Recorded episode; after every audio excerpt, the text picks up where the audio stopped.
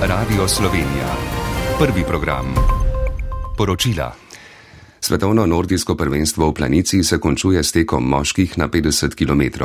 V tej kraljevi disciplini po dolgih letih nastopajo tudi slovenci in sicer Miha Šimenc, Miha Ličev in Jošt Mulej.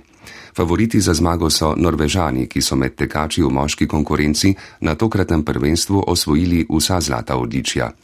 Podelitvi zadnjih kolajn na tekaškem stadionu bo sledila sklepna slovesnost prvenstva, na katerem so slovenski smučarski skakalci osvojili dve zlati medalji in eno bronasto. Na avstrijskem Koroškem potekajo deželne volitve. Za 36 sedežev v deželnem parlamentu se poteguje 8 strank, dve listi kandidirata le v posameznih volilnih okrajih.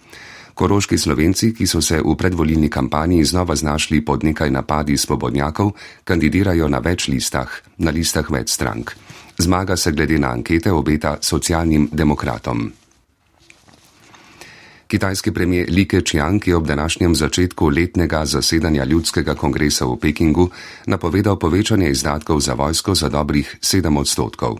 Po njegovih besedah se stopnjujejo zunani poskusi zatiranja in zadrževanja Kitajske, zato morajo posodobiti vojsko in povečati njeno usposobljenost.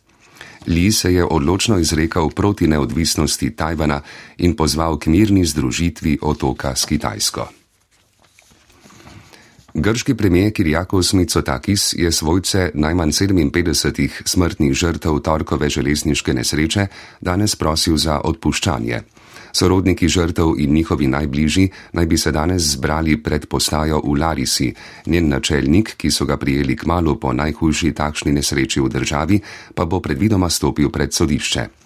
Po Grčiji se že več dni vrstijo protesti. Danes se je pred poslopjem parlamenta v Atenah zbralo več kot 7000 ljudi. Trojno avstrijsko zmago na super veleslalomu za svetovni pokal alpskih smučark v Kvitfjelu na Norveškem so dosegle Nina Ortlip, Štefani Venjer in Franciska Grič. Ilka Štuhec je za zmagovalko zaostala 1,27 sekunde in zasedla 16. mesto.